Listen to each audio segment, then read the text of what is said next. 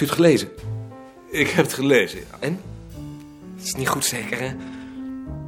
Zullen we aan de bezoekerstafel gaan zitten?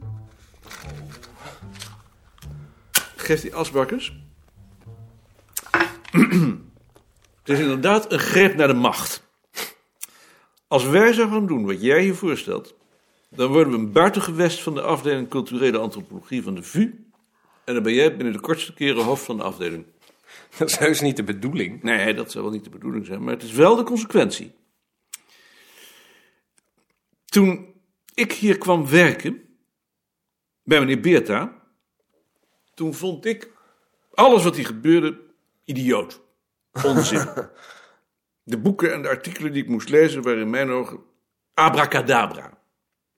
Het heeft jaren geduurd voor ik begreep hoe de gedachtegang was en wat Beerta eigenlijk wilde. Dat dat tenslotte ook onzin bleek te zijn, was natuurlijk wel een opluchting, maar ik heb wel geprobeerd om in zijn geest te werken, want daarvoor was ik aangesteld. Dat zijn plannen onuitvoerbaar waren, omdat ze op verkeerde veronderstellingen berusten, kon ik niet helpen, maar ik moest dat wel eerst bewijzen. En daar ben ik in feite nog steeds mee bezig.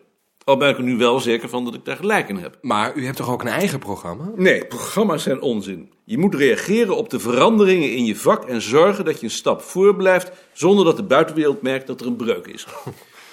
Voor Beerta stonden de tradities centraal. Hij gebruikte ze als bron omdat hij dacht dat ze eeuwen oud waren. Voor ons zijn ze onderwerp van onderzoek. Wij proberen te begrijpen waarom ze ontstaan, veranderen, verdwijnen, maar we houden ons nog wel bezig met tradities. Dat blijft de kern van ons vak. Wat jij voorstelt is de beschrijving van de cultuur van sociale groepen. Dat is antropologie. Dat doen ze in jouw vak. Maar dat doen wij niet. Oh nee? Nee. Dus u wilt dat artikel niet publiceren? Nee. Dat is jammer. Ik vond het zelf wel goed eigenlijk. Mag ik dan wel weer terug hebben? Over twee jaar vind je het zelf ook niet goed meer. Kan ik dan nu weer aan mijn werk gaan? Nee, want ik heb nog iets.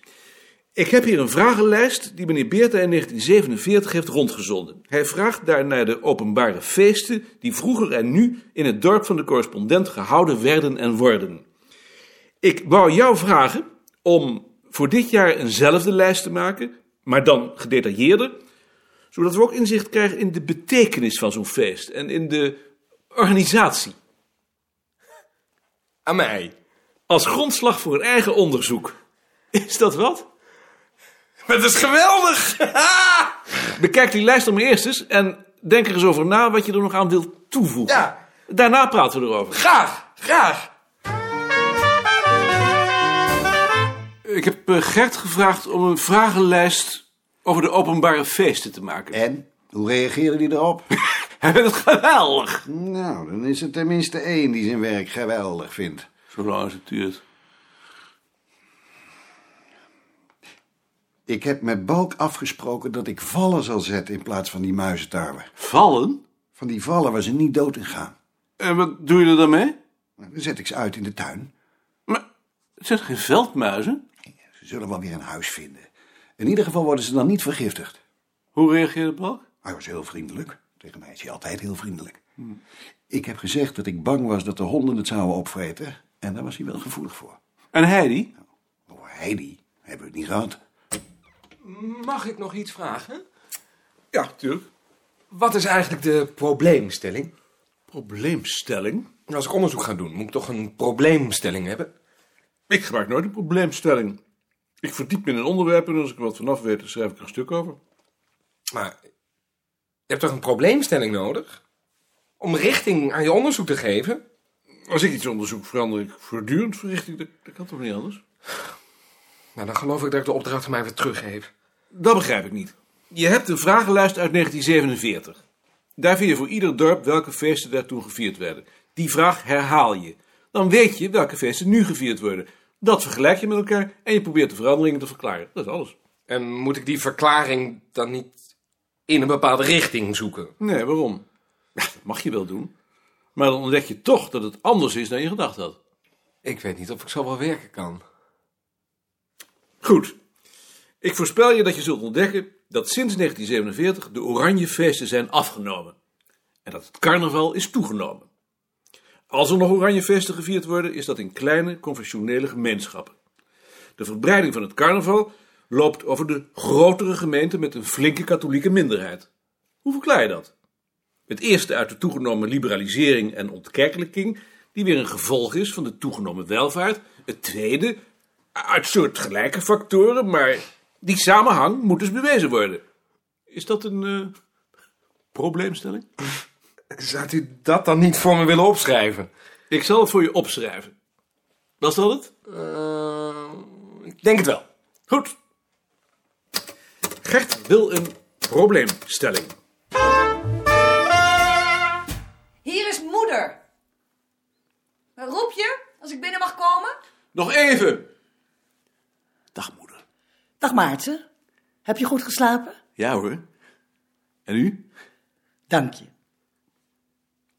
Zal ik hier maar gaan zitten? Nee, nog even.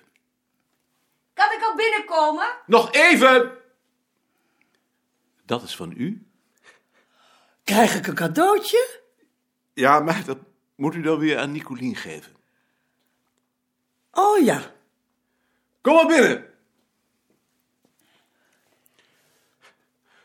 Hoi. Wat een mooie bloemen. Waar heb je die gekocht? Op het singel. En dit is van mij. Nou, En dit is van Marietje. het is toch veel te veel.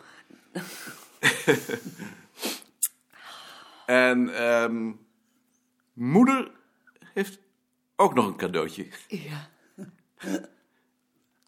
Uw cadeautje, moeder? Is dat dan niet voor mij? Nee, dit cadeautje is voor Nicolien. En moet ik dat dan geven? Ja, dat moet u geven. Ik weet niet waarvoor het is, kind, maar het zal wel goed zijn. Dank u wel. Zal ik hier dan maar gaan zitten? Nee, hier moet u zitten. Oh? Moet ik daar gaan zitten?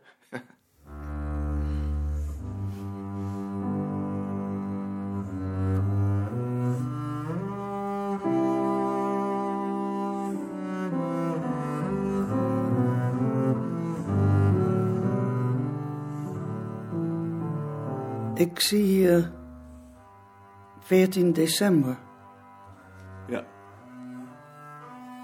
maar dan is het kind toch jarig. ja. En ik heb het niet eens een cadeautje gegeven. Ik heb wel een cadeautje gegeven. Wanneer dan? Vanochtend. Heb ik haar een cadeautje gegeven? Daar weet ik niks meer van. Ja hoor. En heb ik haar dan ook gefeliciteerd? Ook? Ik hoor dat je jarig bent. Maar dat wist u toch wel? En ik heb je niet eens een zoen gegeven. U hebt me wel een zoen gegeven. Nee, ik heb je geen zoen gegeven. Ik heb je geen zoen gegeven. U hebt me wel een zoen gegeven. Nee. Dat je niet eens meer weet dat je eigen kind jarig is. U hebt er zelfs nog een cadeautje gegeven. Ik ben het alleen vergeten.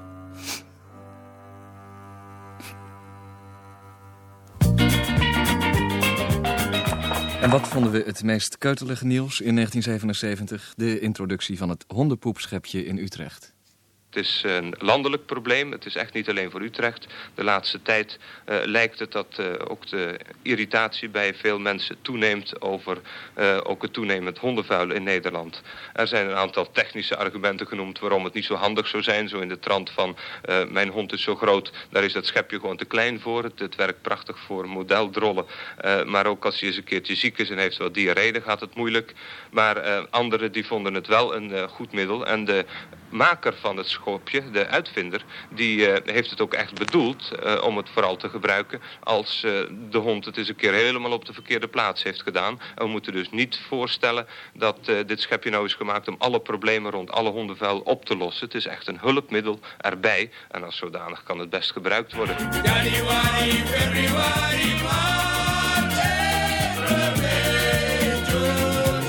Zou nog graag een opmerking maken naar aanleiding van de notulen, mevrouw de voorzitter. 1978. Meneer Stelmaker wil nog een opmerking maken naar aanleiding van de notulen. Ik zou zeggen, gaat uw gang. Misschien dat het straks nog ter sprake komt. In dat geval wacht ik graag het antwoord af. Maar het interesseert mij bijzonder hoeveel abonnees het bulletin nu heeft. Komt dat nog ter sprake? Het komt nog ter sprake, maar ik kan er nu ook wel een antwoord op geven. In 1976 waren dat er volgens uw opgave 193. In 1977 ook. Zit u nog steeds op dat aantal? Hoeveel zijn het er nu? 192. Dat is een verlies van één. Is het de secretaris ook bekend, mevrouw de voorzitter, wat het motief van die abonnee is geweest om zijn abonnement op te zeggen? Is dat bekend? Eh, het is wat ingewikkelder. Ehm, we hebben 12 abonnees bedankt in het afgelopen jaar en er zijn er 11 nieuwe bijgekomen. Van die 12 waren er, als ik me goed herinner, vijf overleden. Die zeven anderen hebben geen motief opgegeven. Het zou toch wel interessant zijn om dat te weten. Het is de vraag of je daar nu zoveel wijzer van wordt. Nou, we zouden kunnen vragen. Als het niet te veel werk is, ik bedoel maar, je hebt het al druk genoeg. Het interesseert me. Moet ik dit noteren? Graag. Bent u daar tevreden mee? Daar ben ik tevreden. En meneer Goslinga ook? Volledig, mevrouw de voorzitter. En ik zou er nog aan willen toevoegen dat ik het tijdschrift ook het afgelopen jaar met veel genoegen heb gelezen. Dat wil ik graag onderschrijven, mevrouw de voorzitter. Het is bijzonder informatief. Hier, hier. Je hoort het. Kost ons allemaal dan ook veel tijd. Maar het loont, zeker. Ik lees het iedere keer van de eerste bladzijde tot de laatste. En dat doe ik niet met veel tijdschriften. Dank je. Nog iets naar aanleiding van de notulen? Dan ga ik over tot het volgende punt van de agenda. De samenstelling van de commissie. De secretaris heeft een brief van mevrouw Wagenmaker ontvangen... dat ze in verband met de verhuizing naar Italië ontslag neemt als lid van de commissie, enzovoort, enzovoort. Met dank aan de bewezen diensten, zullen we dan maar zeggen... en moeten we er verder nog iets aan doen. Ik zal haar namens de commissie een brief schrijven. Dat bedoel ik. Zo vaak is ze ook weer niet geweest. Ik kan me niet herinneren dat ze bijzonder veel tot de discussie heeft bijgedragen. Ik wil maar zeggen. En nu stelt de secretaris voor om in haar plaats mevrouw Veldhoven aan te stellen. Is meneer Elshout het er ook mee eens? Zeker, mevrouw de voorzitter. De heer Koning en ik hebben dit samen besproken. Kijk eens aan. Dat lijkt me een heel goede keuze, mevrouw de voorzitter. Ik heb het altijd betreurd dat mevrouw Veldhoven al zo vroeg met ziekteverlof is gegaan.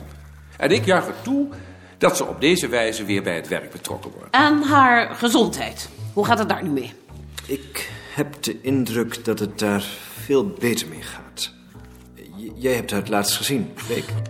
Over haar gez- gezondheidstoestand heb ik geen oordeel.